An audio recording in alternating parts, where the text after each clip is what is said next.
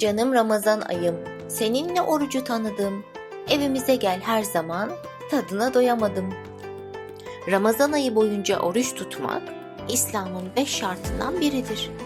Oruç sadece Allah rızasını kazanmak için tutulur.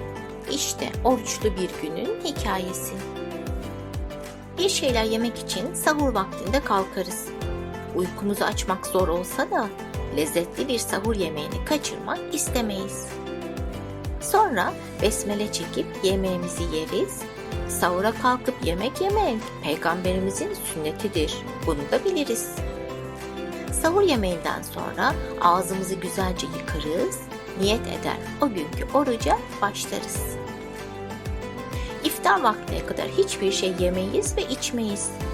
Gün boyu güzel işler yapmaya, yalandan, kalp kırıcı ve kötü sözlerden uzak durmaya çalışırız. Akşam ezanının okunması iftar vaktini müjdeler.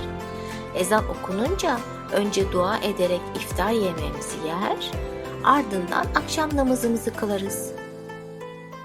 Geceliğin ise Hz. Peygamber'in sünneti olan teravih namazı ile Ramazan'ı en güzel şekilde değerlendirmeye çalışırız. Böylelikle Ramazan'ın bir gününü geçirmiş oluruz.